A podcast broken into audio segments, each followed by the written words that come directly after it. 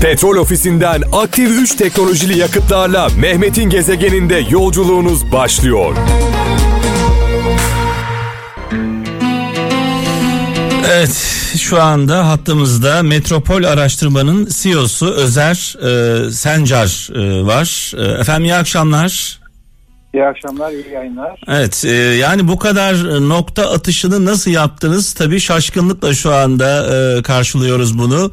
İlk sonuçları açıkladığınızda bir kaygı duymadınız mı efendim? Duydum. Yani rahat rahat açıklayabildiniz mi bu sonuçları? Düşündünüz Yani mü? Bu, bu rakamlar araştırma sonucu çıkan rakamlardır. Evet. Bu rakamları bulunca yapacak bir şeyiniz yok. Rakamlarla oynayamazsınız. Evet. Ve abonelerimize gönderdik bu haliyle. Evet. Tabii bir miktar korku da vardı içimde. Ee, çok büyük bir e, fark görünüyor. Acaba e, daha düşük bir kazanacağı konusunda en ufak bir tereddüt Evet. yoktu ama e, bir farkın büyüklüğü beni de korkuttu. Yalnız bir şey söyleyeyim. Buyurun efendim. Ma- Mayıs ayının 10'u ile 17'si arasında yaptığımız ilk araştırmamızda da benzer farkı bulmuştuk. Evet. Yine o zaman da 10 puan civarında bir fark vardı. Dolayısıyla Mayıs'ın onu yani seçimin iptal edildiği günlerden sonraki süreçte oy verme davranışında seçmenin büyük bir değişiklik olmadığını görüyoruz biz. Peki bu sonucu açıkladıktan sonra çünkü herkes çok fazla e, topa girmek istemiyordu. E, sonucu açıkladıktan sonra neler yaşadınız? Ee, Birçok abonemizden biz kamuoyuna açıklamadık e, araştırmamızı. Evet. Çünkü abonelerimize veriyoruz. Ve abonelerimizin birçoğu telefonda geri döndü. Ya hocam bu mümkün değil. Bu kadar fark siz yanılmış olmayasınız. Yani insanlar abonelerimiz e, Gezegen. inanmadılar bir miktar. Böyle bir tereddütlerini belirttiler. Benim de cevabım şu oldu. Yani araştırma sonucunda bulduğumuz rakamlar bunlar. Evet. Yapabileceğimiz bir şey yok. Yani bu rakamlarla oynayamayız. Evet. Değiştiremeyiz. Ee, kendi e, risk algımıza göre diye verdik. Ve e, tabii bu kadar yakın tutması e, bir ustalığın dışında biraz da şans. Evet. Yani biz yüzde iki buçuk hatayla çalışıyoruz. E, iki buçuk puan, iki puan gerçek rakamın altında veya üstünde olması araştırma yine doğru kılar. Evet. Siz bire Ama bir tutturdunuz. Bire bir tutturdunuz neredeyse. Evet. Bu, bu biraz da Allah'ın lütfudur demek yani. Evet. Peki 31 Mart'tan önce bir araştırma yapmış mıydınız? 31 Mart'tan önce de araştırma yapmıştık ama 31 Mart'tan İstanbul genelinde değil Türkiye genelinde yapmıştık. İstanbul Orada- sonuçları neydi efendim? Orada da e, Ekrem İmamoğlu şey değil, öndeydi. Öndeydi ama e, yani tutturabildiniz mi? Çok az bir farkla biliyorsunuz kazanmıştı. İki, iki buçuk puan, iki buçuk puan önde bulmuş. Evet. Şimdi e, tabii şunu sormak istiyorum size. Önce 31 Mart öncesi yaşananları biliyorsunuz. e, Sayın Ekrem İmamoğlu sarılacağız, kucaklaşacağız e, mesajları verdi. E, Millet İttifakı'nın İstanbul adayı. E, Cumhur İttifakı da beka e, söyle, söylemi üzerine a, e, politikasını e, kurmuş oldu. Seçim kampanyasını buna göre yaptı. E, ve sonuç kafa kafaya geldi. Yani burada bir hata görüyor musunuz bu e, her iki tarafın kampanyasına baktığınızda? İktidarın kampanyası e, beka sorununu, beka e, sorunumuz var kampanyası bana göre 20-30 sene önce e, Atatürkçü laik çevreleri laiklik elden gidiyor Evet. sloganına benziyor. Yani bu Yani- vatandaşta pek karşılık bulmadı beka söyle Beka söylemi. sorun, bunu biz araştırdık zaten. Beka sorununa vatandaşlarımız AK Partili kitlenin de yarıya yakını inanmıyor. Evet. Yani beka e, söylemi, beka sloganı tamamen yanlıştı ve araştırmada da bu eğer e, bizim Nisan araştırmamızı elinize geçirirseniz bakın halk AK Partililerin de büyük çoğunluğu beka sorununa inanmıyorlar. Evet. Türkiye'nin bir beka sorunu olduğunu düşünmüyorlardı. Bu daha önceki laiklik elden gidiyor e, negatif e, propagandanın negatif sloganı bugüne uyarlanmış bir e, kopyasıydı ve hiçbir şekilde iktidara yaramadı. Evet. Peki şöyle bir yol izleseydi e, e, Cumhur İttifakı e, kendilerinden önceki belediyeleri kendilerinden sonraki belediyeleri ve bundan sonraki hayallerini anlatsalardı biraz daha pozitif yaklaşsalardı farklı bir şey çıkar mıydı ortaya? Çıkmazdı e, ama bu kadar fark büyük olmazdı. Sorun şu. Yok bunu şeyden dolayı soruyorum ya 31 Mart öncesini soruyorum size. Evet. Sorun e, son yıllarda son 3-4 yılda ülkedeki hem siyasi alanda hem ekonomik alanda Evet. sosyal alanda eğitim alanında hükümet başarısız. Bizim araştırmalarda bunu çok net olarak görüyoruz. Halk ve iktidara mensup özellikle AK Partili seçmenin %25-30'u hangi konuyu sorarsak soralım iktidarı başarısız buluyor. Evet. Ama iktidarla ilişkisi, gönül ilişkisi onların kopmasına izin vermiyor. Ee, bu seçimde, bu önümüzdeki geçen seçimde muhalefet e, Cumhuriyet Halk Partisi veya Millet İttifakı doğru isimlerle çıktı sahneye. Evet. Yani e, Ankara'da da doğru şimdi İstanbul'da da Adana'da Mersin'de hep doğru isimlerle çıktı ve pozitif propaganda yaptı. Radikal sevgiden söz etti. Ekrem İmamoğlu'nun da söyleminde negatif hiçbir şey yoktu. Evet. İktidar ise daha çok hücum ve e, tehdit e, korku basan söylem taşıyordu. Yani bekamız elden gidiyor. E, ülke parçalanacak, bölünecek e, mesajını isteyerek insanların o, oyunu istedi. Yani biz olursak ülke bölünmez, parçalanmaz. Bu hiçbir zaman inandırıcı olmadı. Evet. Halk da yani AK Partililer de inanmadı. Peki şunu soracağım.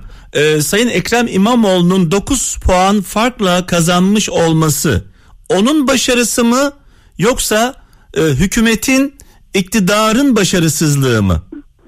Şimdi bunu e, şöyle sıralayabiliriz. Bir, iktidar, hükümet başta ekonomik olma, ekonomi olmak üzere her alanda son 3-4 yılda büyük başarısızlıklara imza attı.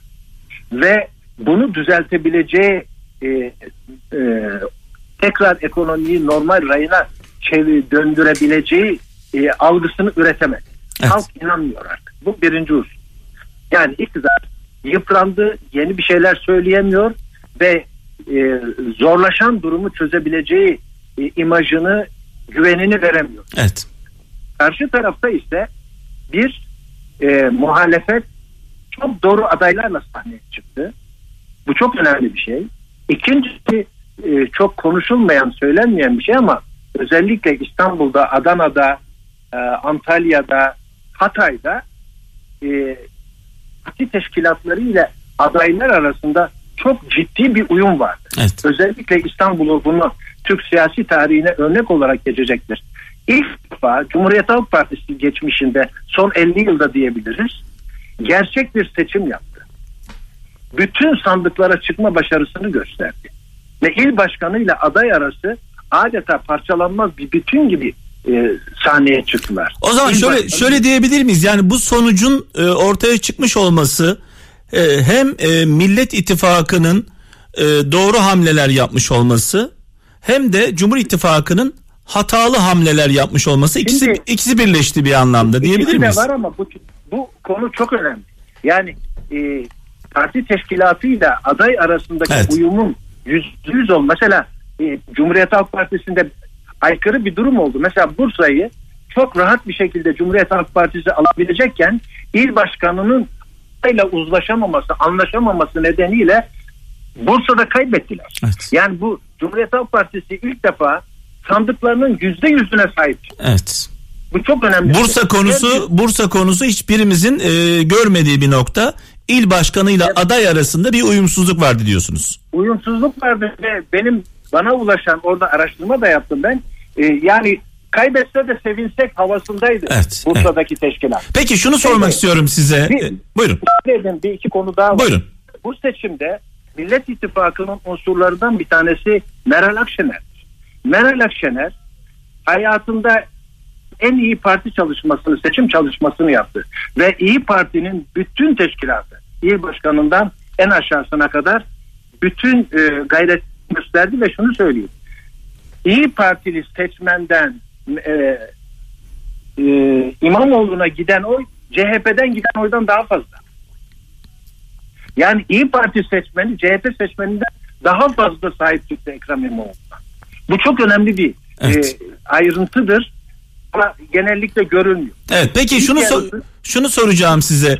Sayın Kılıçdaroğlu bu süreçte hiç ortada dolaşmadı fazla. Meydanlara Evet. çıkmadı. Ee, Sayın Cumhurbaşkanımız meydanlardaydı. Şöyle bir söylem var. Sayın Kılıçdaroğlu'nun meydanlarda olmaması, Sayın Cumhurbaşkanımızın meydanlarda olması Ekrem İmamoğlu'na yaradı söylemi Çok var. doğru. Çok doğru. Ee, Sayın Cumhurbaşkanı'nın sanki iktidarın adayıymış gibi muhalefet adaylarının her yerde karşısına çıktı ve fatura kendisine çıkarıldı. Çünkü ekonomiyi ben yönetiyorum dedi. Evet. Ekonomiyi siz yönetmiyorsanız ekonomideki rahatsızlıkların faturası da size çıkar.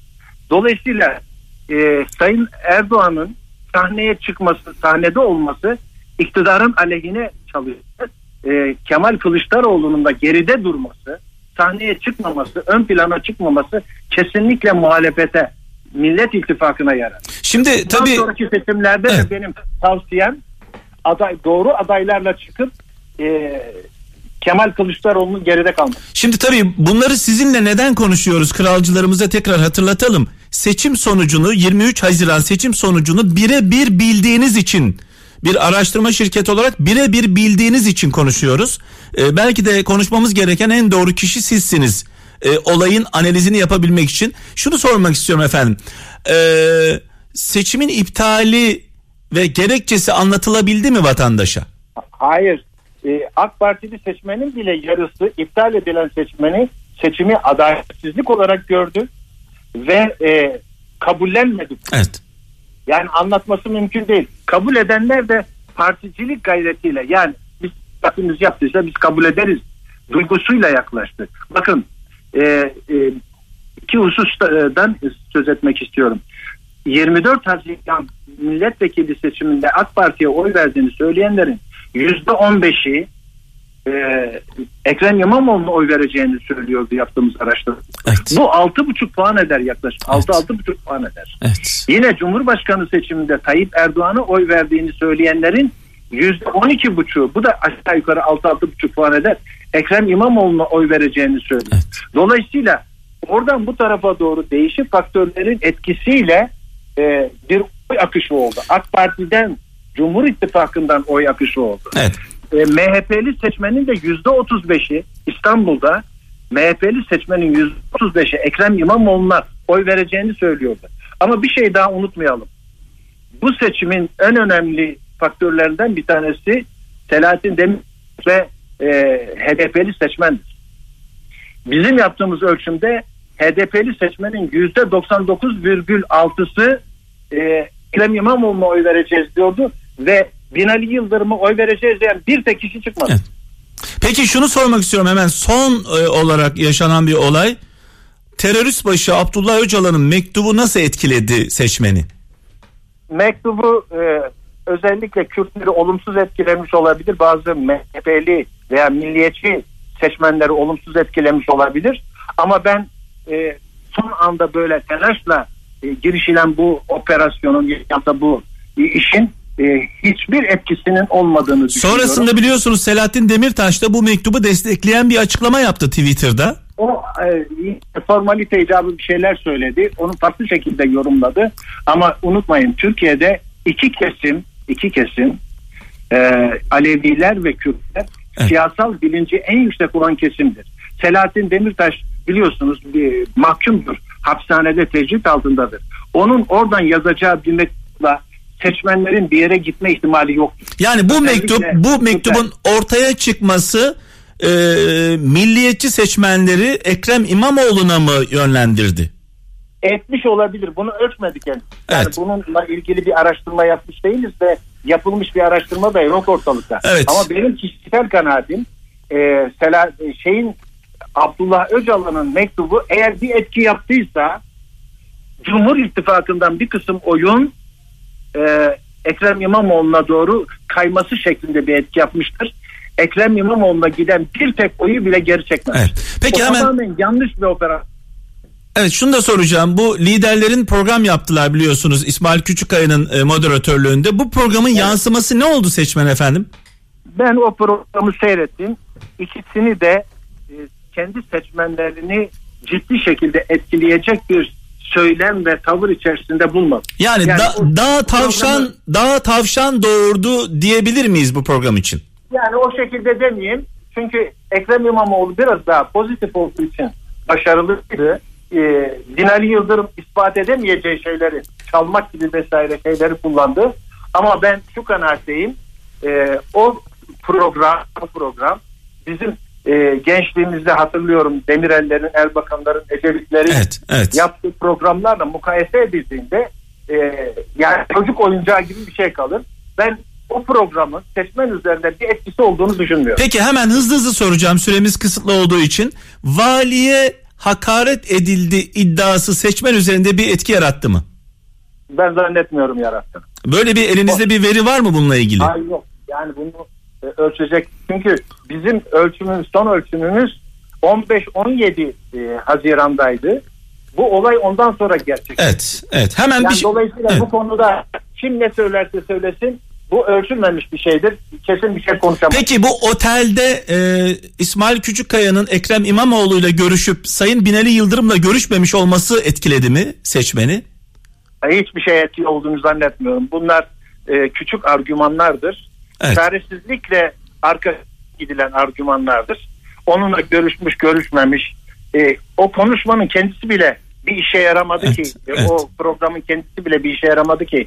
e, efendim e, İsmail Küçükkaya ile görüşse ne olacak, görüşmese ne Şimdi olacak? o zaman- Çaresizlikle, çaresizlikle geliştirilen şeyler bunlar. Son olarak şunu soracağım. Ee, Sayın Cumhurbaşkanı'nı seçimden önce e, konuk almıştım e, programımda ve programda şunu söylemişti kendisi.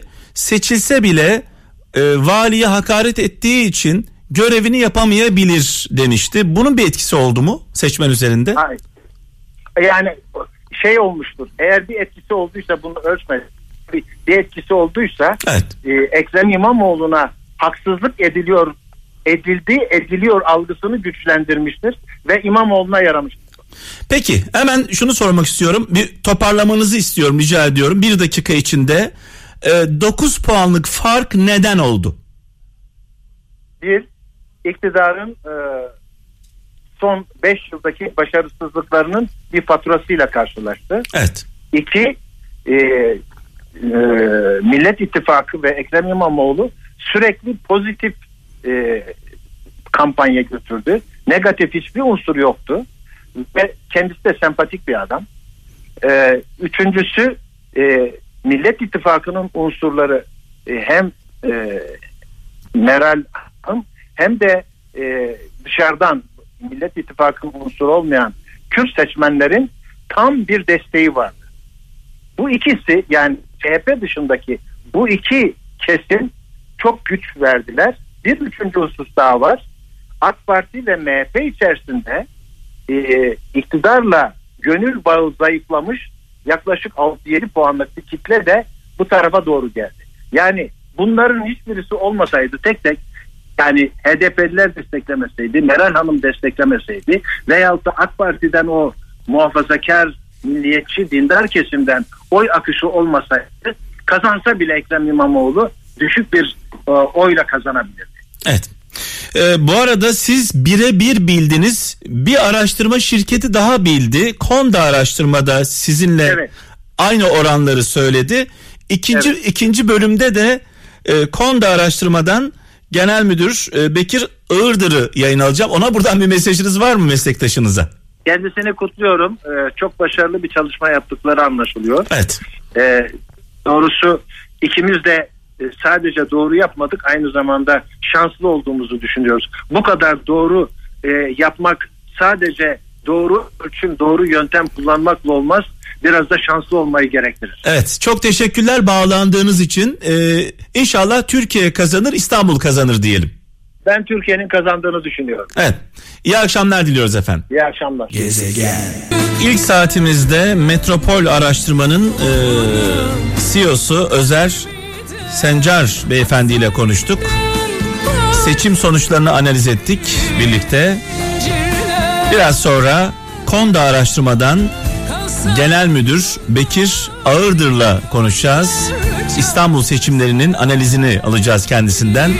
Biliyorsunuz hem Konda hem Metropol bu iki araştırma şirketi seçim sonuçlarını birebir bildiler. Dolayısıyla e, onların analizi çok kıymetli ve önemli. Gezegen. Evet şimdi hattımızda Konda Araştırma Şirketi Genel Müdürü Bekir e, Ağırdır var. Efendim iyi akşamlar. İyi yayınlar, iyi akşamlar. Evet hemen şunu sormak istiyorum e, size. E, 31 Mart'tan önce bir araştırma yapmış mıydınız? Yapmıştık. Ne çıkmıştı 31 Mart'tan önce? Ek- Ekrem Bey'in 2 puan e, önde olduğunu bulmuş idik. Evet. E, abi, yani öyle de olduğunu sanıyorum. Onun da doğru olduğunu sanıyorum araştırmanın ama e, Tayyip Bey'in hatırlarsanız 31 Mart'tan önceki son hafta İstanbul'da 18 ilçede miting yaparak hafta etkisiyle birazcık eşit sonuçlanmıştı. Ama Evet. 2 puan öne geçmişti Ekrem Bey. Yani başladığı zaman Ocak ayında ilk e, adaylıklar belli olduğunda ilk bulgumuz 100 seçmen içinden yani seçime katılmayanlar falan da dahil toplam 100 seçmen içinde Binali Bey 41 puandaydı. Seçim sonunda da 41 puana geldi. 23 Haziran'da da yine 40 puana geldi. Yani hiç değişmedi. Ama Ekrem Bey 34 puandan başladı. Adım adım yükselerek bugüne geldi. Peki e, 31 Mart öncesi e, Cumhur İttifakı'nın söylemleri, Millet İttifakı'nın söylemleri, daha doğrusu e, Sayın Ekrem İmamoğlu'nun e, mesajları, Sayın Cumhurbaşkanımızın mesajları ve Sayın Binali Yıldırım'ın performansı bu seçimi 31 Mart seçimini nasıl etkiledi sizce? Ee, öncelikle şunu söylemek lazım. 31 Mart'ın belirleyen dinamikleri farklı oldu. 23 Haziran'da yani son finaldeki sonuçtan. Neydi o farklılık? 31 Mart akşamı oluşan tabloyu oluşturan şey Ekrem Bey'in ya da CHP'nin, İyi Parti'nin vaatleri veya kampanyaları değil. iktidar kanadının kurduğu oldukça sert beka söylemi ve de muhalefeti Zillet İttifakı, İllet İttifakı biçimindeki söylemleri muhalefet blokunu ve hatta muhalefet bloku ya da e, Millet İttifakı içinde olmayan HDP'yi HDP'li seçmenleri de bu tarafta konsolide etti. Yani e, CHP'nin, İyi Parti'nin, HDP seçmenlerinin 24 Haziran 2018 genel seçimlerinden sonra partileriyle olan hesaplaşmaları ya da kırgınlıkları, üzgünlükleri gibi meseleleri unuttular ve iktidar blokunun kurduğu o dile karşı konsolide oldular. Evet. Ee, YSK kararıyla 31 Mart'tan sonraki YSK kararıyla ise ben şöyle bir metafor kullanıyorum. Hani karın çok yığıldığı tepelerde tabelalar vardır. Çok bağırmayın çığ tehlikesi diye. Evet. İktidar kanadı yandaş medya ile beraber öylesine sert ve de baskın ve de hakim. Bütün televizyon kanallarında da günde e, neredeyse 8-10 saat süren bir öyle bir, bir kampanyaya ve şeye dile döndü ki çığ koptu. Çığ koptu ve dolayısıyla Ekrem Bey'in ya da muhalefet blokunun başarısından daha çok iktidar blokunun ürettiği bir konsolidasyon çalıştı. Yani bu seçim sonucu aslında Ekrem İmamoğlu'nun başarısından öte e, Cumhur İttifakı'nın e, tavırlarından dolayı bu noktaya geldi diyebilir en miyiz? azından 31 evet en azından 31 Mart akşamı çıkan sonuç için bunu kesin söyleyebiliriz. Peki Ama bu 31 beka söylemleri e, beka söyle 31 Mart akşamından Evet. sonra bir şey oldu. Buyurun. 31 Mart akşamından itibaren Ekrem Bey'in serin kanlı duruşu, hakkını ve adaleti arayan bir insan görüntüsü verişi, o konudaki kurduğu dildeki samimiyet ve sahicilik elbette 23 Haziran'a gelirken iktidarın kurduğu dil kadar artık baskın ve etkin olmaya başladığını da altını çizmek Peki lazım. şunu sormak istiyorum. 31 Mart öncesi yürütülen kampanyanın 31 Mart sonrasına yansıması olmuş mudur? Sayın Cumhurbaşkanı'nın e, muhalefete yönelik zil- zillet ittifakı Oldu. söylemleri. İktidar da zaten o hatasını fark ettiği için e, kampanyayı değiştirerek hizmete yaslanmaya, Binali Bey'i öne çıkarmaya çalıştı ama artık iş işten geçmişti. Bir kere Peki- muhalefet bloku bir moral üstünlük ele geçirdi ve muhalefet bloku o moral üstünlükle 17 yıllık AK Parti iktidarı döneminde ilk kez herhangi bir araştırmada şöyle bir ilginç bulgu e, elimizde var. Yayınlayacağız nitekim gelecek hafta. İlk kez 17 yıllık süre içinde seçmen bu seçimde kime oy vereceğinden öte kim kazanır peki diye sorduğumuz zaman ilk kez seçmen muhalefet blokunu işaret etti. 17 yıllık seriden baktığımız zaman AK Parti seçmenlerinin bile önemli bir kesimi bu seçim artık 23 Haziran'da Ekrem İmamoğlu'nun kazanacağını söylüyordu ve düşünüyordu. Peki seçim yenilendikten sonra AK Parti'nin uygulamış olduğu politika, hizmetlere yönelik politika 23 Haz- e, e, Mart e, öncesinde 31 Mart. 31 Mart öncesinde e, kullanılsaydı o dil bir farklılık olur muydu? Yani E, hi- olurdu. hizmet. Evet. Eğer yani eğer iktidar bloku gayet sakin bir dil kursaydı ve hizmete yaslansaydı meseleyi bu kadar kutuplaşmaya ya- yaslanan bir kampanya ve seçim süreci Yani şu ana kadar yaptık yaptıklarını anlatsaydı, yaptıklarını Evet, anlatsaydı. Çünkü AK ve CHP seçmeninin bir kısmı seçimi kazanamayacağız nasıl olsa umutsuzluğuyla. Evet. Bir kısmı 24 Haziran 2018 genel seçimleri ve Cumhurbaşkanı seçiminden sonraki parti içinde ve Muharrem İnce Bey'in politikalarına olan kırgınlıklarıyla kır, eksilecekti veya eksik sandığa gidecekti. Ama iktidar kanadının kurduğu dil herkese alarma geçirdi ve bütün muhalefet konsolide oldu her şeyden önce. İki, AK Parti bu dil değiştirerek 31 Mart'tan sonra daha 31 Mart'tan önce başlayan ama 31 Mart sonrası kuvvetlenen başka bir problemle karşı karşıya kaldı ki o da sahicilik gitimi diyorum ben. Evet. Yani hem dil değiştirerek hem son hafta bile diyelim işte e, Öcalan mektubu gibi hamleler yaparak ama bir yandan çok sert bir dil sonra yumuşayan bir dil e, bir yandan e, afişlere bakıyorsunuz gönül belediyeciliği gibi son derece romantik laflar. Ama bir yandan da sokakta soğan patates fiyatı. Dolayısıyla insanlar ve seçmen AK Parti'den dinledikleri konusunda AK Parti'nin kendine verdiği mesajlar konusunda ciddi bir tereddüte düştü ve AK Parti bir sahicilik gitimi yaşamaya başladı. Onun için de inandırıcılığını kaybetti. Yani diyorsunuz ki seçimin kaderini aslında Ekrem İmamoğlu değil AK Parti'nin tutumu e, belirlemiş oldu. E, maçın birinci devresinde evet, ikinci devresinde belki Ekrem Bey'in etkisi daha önemli. Ama birinci devresinde iktidarın rolü daha ağırlı. Peki seçimin yenilenmiş olması vatandaşa nasıl yansıdı sizce efendim? E, özellikle AK Parti seçmeninde de e, kayda değer biçimde ama bütün e, seçmen indinde bir kere adalet ve vicdan duygusu zedelendi. E, çok daha önemli bir durum var. O da şu Türkiye seçmeni siyasi alanda zaten çok fazla öyle parti örgütlülüğüne yatkın olan, sivil toplum örgütlülüğüne yatkın olan, hak mücadelesi konusunda eylemlilik arzusu yüksek olan bir seçmen değil. Ve elindeki imkanlar içinde yaptığı ya ve yapmaktan da son derece keyif aldığı en önemli şey oylarıyla gerektiğinde iktidar değiştirebilmesi. 1950'den bu tarafa çok partili hayatımız boyunca da kaç kez iktidar değişti. Evet. Şimdi o hakkının ve o zeminin böyle bir müdahaleyle bozulmuş olması ve o hakkının elinden alınmış olması seçmenin Adalet Parti seçmeni de dahil, şey, AK Parti seçmeni de dahil e, ciddi bir adalet ve vicdan duygusunda zedelenme üretti. O da Binali Bey'in oyunda görülen bir miktar eksilme gibi görünüyor. Evet. Gerçekte o biraz daha fazla. O eksilmenin sebebi de bu. Peki 23 Haziran öncesi anket yaptınız. Önünüze 9 puanlık bir fark geldi. Evet. E, ne hissettiniz o anda? Ne düşündünüz? Vallahi üstad hiçbir şey düşünmedim. Çünkü benim işim sayıların üzerine düşünmek. Ha şaşırmadınız mı? Sayıları- Bu bu rakam sizi Hayır, şaşırtmadı yok. mı? Hayır şaşırtmadı. Çünkü biz seri halinde araştırmalar yaptığımız için zaten eğilimin oraya doğru seyrettiğini gör biliyorduk. Ee, ama her şeyden önce araştırmacı olarak da benim işim önümdeki bulguyu, sayıyı eğri mi doğru mu Evet. demeden, çekingenlik göstermeden, kaygı duymadan doğrusunu kamuoyuna söylemektir. Evet. Onun için öyle çok özel bir duygu halimiz olmadı Evet. isterseniz ama şaşırmadık da çünkü biliyorduk öncesindeki araştırmalarımızdan da.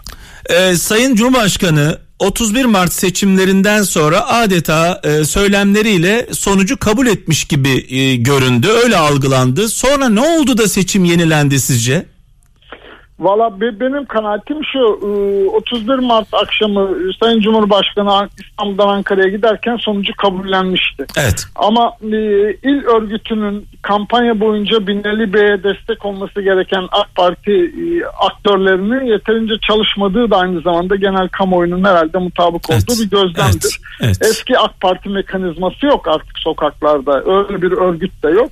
Dolayısıyla biraz da Tayyip Bey'in e, cezalandırmasından ya da gazabından korkarak işi bir itiraz meselesine döken insanlar bir süre sonra Tayyip belki 3-4 gün sonra işin iptal edilebileceğini ve bundan da bir yararı olabileceğine ikna oldu ya da ikna Yani diyorsunuz ki günü ben. teşkilat günü kurtarmak için efendim efendim bil iş büyük bir oyuna döndü. evet yani günü kurtarmak için efendim bildiğiniz gibi değil diye yaklaştılar. Muhtemelen evet. Benim Evet. dışarıdan gözlediğim budur. Evet. Yani içeriden tanık olan ya da bunları gözleyen, içeride çalışan gazeteci arkadaşlar doğrularını herhalde bir gün yazarlar. Ama benim dışarıdan anladığım, gözlediğim duygu halinin böyle seyrettiğini sanıyorum. E, seçimin yenilenmesi vatandaşa nasıl yansıdı sizce? E, E, vatandaş bir kere demin dediğim gibi kızdı ve her şeyden önce adalet duygusu zedelendi. evet. E, Ekrem Bey Ya gerekçeler gerekçeler e, gerekçeler anlatıla Gerekçelerin hiçbirisi inandırıcı değildi. Hele çaldılar lafı bizim bulgularımızda da var. Çaldılar kelimesinin vatandaş indinde öyle önemli bir karşılığı olmadı hiçbir zaman. Evet. Ee, Şi- inandırıcı da olmadı. AK Parti'nin sahicilik gitimi dediğim e, yaşadığı problemlerden bir tanesi bir unsuru da bu elbette. Evet. Peki liderlerin e, karşılıklı programa çıktılar. E, çok şey bekleniyordu bu programdan. Her iki tarafta kamuoyu da çok şey bekliyordu. Programın performansını nasıl değerlendiriyorsunuz? Yani o programın birinci yarısında ya da başlangıcında her iki aday da son derece tutuktu çünkü Evet. hata yapmaktan kaçınıyorlardı. Çünkü programın kendi içeriğinden daha çok program etrafındaki tartışmaya umut bağlamıştı iktidar bloku ve AK Parti. Yani şunu söylemeye çalışıyorum aradaki farkı sadece konuda gözlediğini sanmıyorum. AK Parti çok daha neredeyse her hafta sonu birçok şirket Evet. araştırma yaptırıyor Evet. sayıları tam değilse bile eğilimi en azından görmüşlerdir. Dolayısıyla oyunu ya da oyun planını şöyle kurduklarını sanıyorum. Eğer Binali Bey olağanüstü bir çıkış yapamıyor ise Ekrem Bey olağanüstü bir hata yapabilir mi ye göre bir e, oyun planı hazırlandı. Böyle bir tartışma programına 17 yıl sonra ilk defa katılmayı kabul etmelerinin sebebinin bu olduğunu düşünüyorum. Dolayısıyla da iki tarafta ve özellikle Ekrem Bey de hata yapmaktan kaçınarak başladı. Ama e, o nedenle de program aslında beklenen öyle bir oy değişikliği, kanaat değişikliği üretecek bir tempo, ritim hiçbir saatinde, dakikasında da yakalamadı. Ama iki aday da sonlarına doğru programın elbette iş bahislere gelince daha kolay konuşmak. e, orada biraz daha rahatladılar. Yani Ama kimsenin kazanmadığı, kimsenin kazanmadığı, memnun olmadığı bir sonuç çıktı ortaya. E, Evet o programa bakarak hiçbir Binali Bey'in seçmeni Ekrem Bey'e dönmemiştir ya da Ekrem Evet. Bey'in seçmeni Binali Bey'e dönmemiştir. Peki efendim e, son günlerde seçimden e, önce yaşanan işte valiye hakaret, otelde İsmail Küçükkaya'nın Sayın Ekrem İmamoğlu ile görüşmesi, Öcalan terörist başının mektubunun ortaya çıkması bunların etkisi oldu mu sizce seçime? Bunlar AK Parti seçmeninin bir kısmını etkilemiştir elbette. Onun için biraz önce Binali Bey'in tam e, az, oyu da gerçekte daha fazla azaldı deme sebebim o. Yani şunu demek istiyorum 31 Mart'ta 39 kişi AK Parti'ye ve Binali Bey'e oy verirken hem adalet duygusu zedelendiği için ciddi biçimde önce bir eksilme yaşadı. Muhtemelen 35'lere doğru düştü. Ama sonra işte bu tür söylemlerle daha önce sandığa gitmemiş olan 31 Mart'ta partisine kırgın olduğu için sandığa gitmemiş AK Partili seçmenin de bir kesimi geri gelmiştir. Yani Ama- bu bu e, valiye hakaret, e, bu görüntülerin e, otelde görüşme görüntülerin ortaya çıkması Binali Yıldırım'a mı yaradı? Hayır çok özel yarama olmadı. Sadece AK Parti seçmenini ikna etmek konusunda sandığa gitmeye ikna etmek konusunda belki bir Evet. miktar tetikleyici rol olmuştur. Ama muhalefet seçmeni zaten bu tartışmaların her ikisinin de gerçek olmadığını sanal ve kurgu olduğu kanaatinde kesin ve netti. Ee, onun için öyle AK Parti kurmaylarının tahmin ettiği, beklediği değişimler olmadı seçmen. Evet. Terörist başı Öcalan'ın mektubu nasıl etkiledi sizce seçmeni? E, orada da aynı şey. Yani mektubun içeriği üzerine HDP'li Kürt seçmen de bu konuda bir değerlendirme yaptığını sanmıyorum. Yani mektubun içeriği değil de burada mesele. Mektubun seçime iki gün kala çıkarılmış olmasıydı. Dolayısıyla iktidar blokunun o sahicilik gitimi dediğim psikolojisi içinde o mektup Kürt seçmen üzerinde herhangi bir etki üretmedi. Dolayısıyla mektubun içeriğine bakarak inandılar inanmadılar değil. Mektubun seçimden iki gün önce ortaya çıkarılmasını bir manipülasyon diye değerlendirdiler. Onun için içeriği değil mektubun kendisinin beklenen öyle bir etkisi olmadı. Yani yapılan tüm hareketler e, AK Parti tarafından, Cumhur İttifakı tarafından yapılan tüm e, hareketler e, hep ters tepti desek yalan mı olur? E, ters, yok doğru ters tepti. Yani oyunu bir yerde toplum bu kadar kutuplaşmaya, bu kadar sıkıştırmaya, bu, bu kadar ötekileştirmeye bir yerde fren yapmış oldu. Ve bunda da sadece yani iki önemli dinamik var ya da hatta üç önemli dinamik var. Bir tanesi muhalif blokta dediğimiz bütün seçmen kitleleri konsolide oldu. İkinci dinamik AK Parti seçmeninin bir kesimi kırıldı ve gitmedi. MHP seçmeninin bir kısmı da hatta Ekrem Bey'e de verdiği söylenebilir. Üçüncüsü ise daha önceki seçimlerde oy kullanmayan özellikle de yaş ortalamaları ülke ortalamasından genç dediğimiz küme e, bu kadar her şeyin denetlenildiği, kontrol edildiği, disipline edilmeye çalışıldığı bir hayat biçimine ve siyaset biçimine itiraz ederek sandığa geldi ve Ekrem Bey'in lehine oy kullandı. Medyanın rolü ne oldu sizce bu seçimlerde? Hemen hiç. Çünkü medya zaten asıl AK Parti'den önce medya zaten sahiciliğini yitirmişti. Evet. Onun için zaten insanlar haberlerin başına otururken seçtiği kanalın neyi söyleyeceğini kabullenerek oturuyor o habere bakarak ne olup ne olmadığı konusunda siyasi tercihini değiştirdiğini sanmıyorum ben. Yani ya taraflı böyle bir gözlem yani, yok. Diyorsunuz ki taraflı medya, taraf olan medya tuttuğu tarafa zarar verdi diyorsunuz. E, bir saatten sonra evet. evet. Çünkü her şeyin fazlası zarardır e, hesabı. E, çünkü diyorum ya sahicilik gitimi evet. buradaki kritik kavram o. Evet insanlar gerçeği arıyorlar sürekli. Evet. Evet. Bir yandan da insanların umutlanma ihtiyacı var. Sokakta huzura, güvene, evet. gergin bir yüzle olmadan neşeyle kahkaha atarak metrobüse metroya binmek istiyorlar. Evet. Ve bu kadar gerilim bir yerden sonra ters tepti. Özellikle ekonomik krizin sokaktaki etkileriyle birleşince. Ee, son olarak şunu soracağım. Bu 9 puan farkın sebebini bir özetler misiniz? Tekrar radyolarını yeni açanlar için. Yani bir, birincisi HDP ve diğer partiler de dahil, CHP İyi Parti de dahil hep beraber muhalefet konsolide oldu iktidar blokunun karşısında birincisi. Ve de üstelik kendince ilk kez 17 yıllık tarihinde ilk kez 17 yıllık AK Parti'nin iktidarı döneminde tarihi derken ilk kez bir moral üstünlüğü ele geçirmenin ürettiği bir enerjiyle sokaklarda ve seçim sandığının başındaydı. İkincisi AK Parti seçmeninin hem AK Parti'nin yaşamakta olduğu sahicilik yitimi probleminden dolayı tereddütleri e, hem yaşanmakta olan ekonomik krizin etkileri gibi nedenlerle kırgınlığı vardı partisine ama kutuplaşmadan dolayı karşı bloka geçemiyor. Henüz çok küçük oynamalar var hali 2 puan mertebesinde ama 2'den fazla değil. Dolayısıyla kutuplaşma ve karşı bloka geçememek yani bizim negatif kimliklenme dediğimiz şey daha belirleyici hala seçmen indinde. Üçüncüsü de gençler yani herhangi bir partinin taraftarı sayılamayacak siyasetten umutsuz olan gençler bu kez iktidarın karşısında yer aldılar. Ee, sizden önce ilk saatimizde Metropol Araştırma'nın e, CEO'su Özer e, Sencar Bey ile e, konuştuk. Kendisi size e, selam ve sevgilerini iletti, kutladı. E, sonuçları e, beraber bildiniz. Bir cevabınız var mı? Yo teşekkür ediyorum sadece. Beraber mi bildik bilmiyorum. Ben Metropol'ün bir açıklamasını görmemiştim kamuoyunda bizim evet, yaptığımız gibi. Onların da onların da e, onlar da kamuoyuna açıklamamışlar ama e, müşterilerine vermişler. E, dışarıya yansıdı. Dolayısıyla onu ben bilmiyorum. Evet. Çok teşekkürler katıldığınız ben için. Ben teşekkür ederim. İnşallah İstanbul kazanmıştır. Türkiye kazanmıştır diyelim. Evet. Evet elbette. Sağ olun. Hoşçakalın efendim. İyi akşamlar.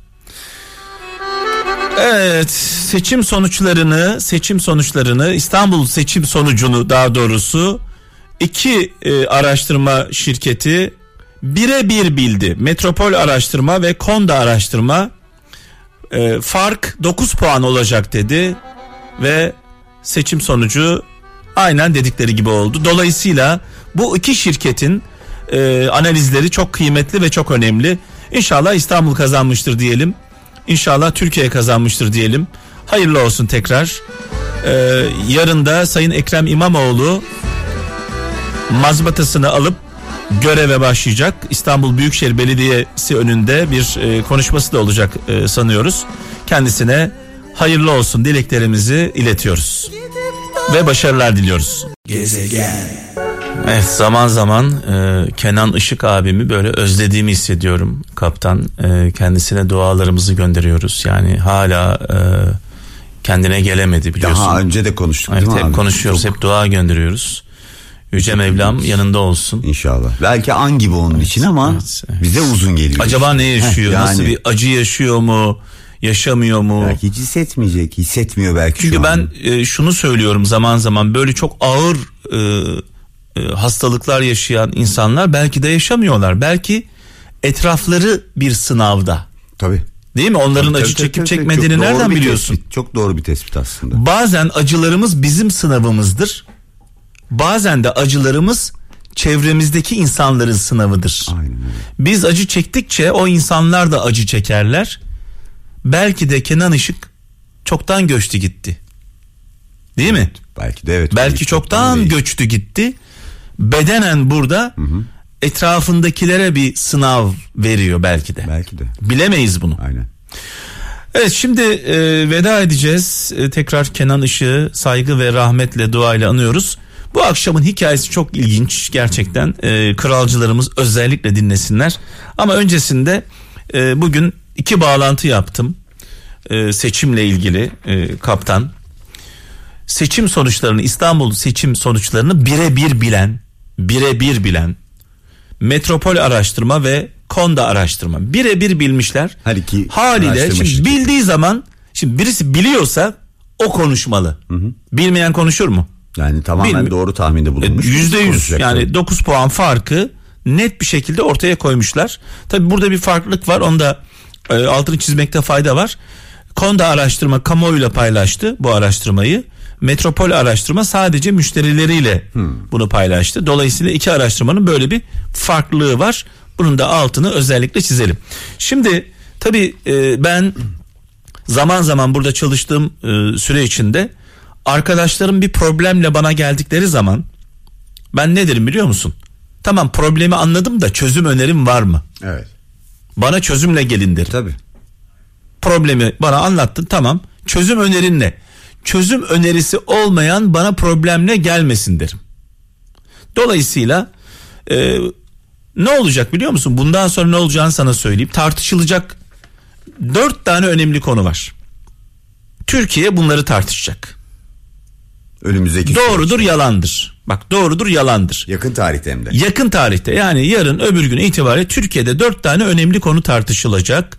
Bu konular bu dört konu tam olarak anlaşılmazsa yani herkes tarafından altına imza atılmadığı takdirde ne yazık ki büyük problemler yaşayacağız. Merak ediyor musun bu dört Çok konuyu? ciddi. Hani çözüm önerisi olarak ortaya koyuyorum. Ortaya koyuyorum yani. Bir, tarafsız cumhurbaşkanı konusu tartışılacak. Tarafsız Cumhurbaşkanı konusu tartışılacak. İki, özgür medya konusu tartışılacak. Özgür. Üç, Bağımsız medya. Aynen. aynen. Üç, güçlü meclis tartışılacak. Dört, bağımsız yargı tartışılacak. Bunlar tartışılacak. Ben de buradan bunu kralcılarımızla paylaşmış olayım. İnşallah Ben bunlar bunu söylemiştim diyeceksin. Hayır bu konular tartışılmadığı gün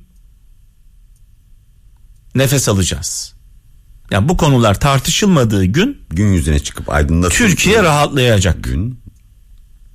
Anlatabiliyor muyum? Yoksa hep soru işareti Yoksa biz kalacak. bunlarla uğraşacağız. Aynen. Bir taraf öyle diyecek, bir taraf böyle diyecek. Bu konular tartışılmadığı gün tekrar altını çiziyorum. Tarafsız Cumhurbaşkanı konusu. Özgür medya, güçlü meclis, bağımsız Yargı. yargı. Bu dört konu tartışılmadığı gün yani hallolduğu gün diyelim herkes için. Heh, yani tüm vatandaşlar Herkes tarafından için. da artık bir sonuca bağlandığı Bağlandığı gün tartışılmadığı gün konu ortadan kalkacak ve biraz nefes alacağız hep beraber. Ama o zamana diye düşünüyorum. kadar O zamana kadar e, tartışma bitmez. gitmeyecek diyorsun. Evet. Şimdi istersen hikayemizi bir dinleyelim mi? Tabii ki. İlginç bir hikaye. Bugün kişisel gelişim uzmanı Ahmet Şerif İzgören'in bir anısını ve sonrasında kırlangıçların yaşam biçiminden çıkardığı dersleri paylaşacağız sizlerle. Ayvalık'ta bir açık hava otelindeyim. Resepsiyon da açıkta. Resepsiyonun köşesinde bir kırlangıç yuvası var. Üç yavru. Kafalar dışarıda, gagalar açık. Anne ve baba gelip gidip yiyecek getiriyorlar ve ayrı zamanlarda geldikleri için birbirlerini görmüyorlar. Anne birinci yavruya yem veriyor, birazdan baba gelip ikinciye, anne tekrar geldiğinde üçüncüye, baba gelip birinciye. İnanılır gibi değil. Sırayı hiç şaşırmadılar. Adalet. Akşama doğru sudan çıktım. Baktım yuvaya siyah bir kedi yaklaşmış. O ufacık ana baba canhıraş bir şekilde dalıp çıkıp kediyi uzağa kadar kovaladılar. Cesaret. Otel sahibi şunları anlattı. Bahar başlarında göçten döndüklerinde yuvanın bulunduğu bölümün kapalı olduğunu görünce resepsiyon görevlisinin kaldığı odaya girip çıkıp onu uyandırmışlar. Akıl. Sabah su içmek için fıskiyenin üzerinde dolaşıp çığlıklar atıyorlardı. Ta ki fıskiye açılana kadar. İletişim. Yuvalarını öyle bir yaparlar ki yıllarca dayanır. Kalite. Kışlara sıcak ülkelere göç ederler. Yenilik. Onların yaptığı yuva diğer kuşların saman çöplerini üst üste koyarak yaptığı dayanıksız yuvalara hiç benzemez. Benzer bir yuva yapabilen başka bir kuş yoktur. Farklılık. Hiç kırlangıçları bir yerde pineklerken hatırlıyor musunuz? Devamlı uçarlar. Çalışkanlık. İnanılmaz hızlıdırlar. Su zerresini havada yakalarlar. Hız. Binlerce mil uzaktan hep aynı yuvaya dönerler. Ömürlerinin sonuna kadar yuvalarına bağlıdırlar. Yurt sevgisi. Ahmet Şerif İzgören sözlerini şöyle sonlandırıyor. Kırlangıçları hep çok sevdim. Petrol ofisinden aktif 3 teknolojili yakıtlarla Mehmet'in gezegeninde yolculuğunuz sona erdi.